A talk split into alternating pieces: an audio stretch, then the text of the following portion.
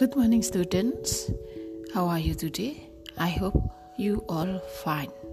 Okay, now we will study about the new topic. It is about obligation. Obligation itu adalah kewajiban, ya.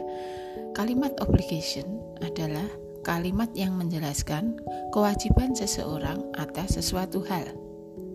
Ketika kita menggunakan kalimat obligation, maka kita akan menggunakan kata should. Nah, jadi rumusnya subjek plus should plus kita akan belajar yang menggunakan kata kerja pertama. Jadi subjek I, they, we, you dan seterusnya. Kemudian ditambah kata should, kemudian ditambah kata kerja pertama. Sebenarnya, should ini bisa digunakan untuk berbagai hal selain untuk menyatakan kewajiban. Misalnya untuk menyatakan harapan atau juga bisa untuk menyatakan pengandaian.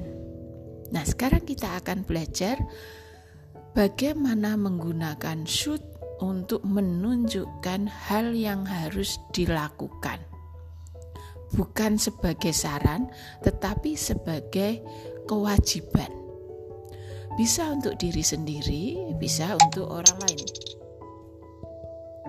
Nah, misalnya, you look so sick, you should take some medicine. Itu seperti itu contohnya.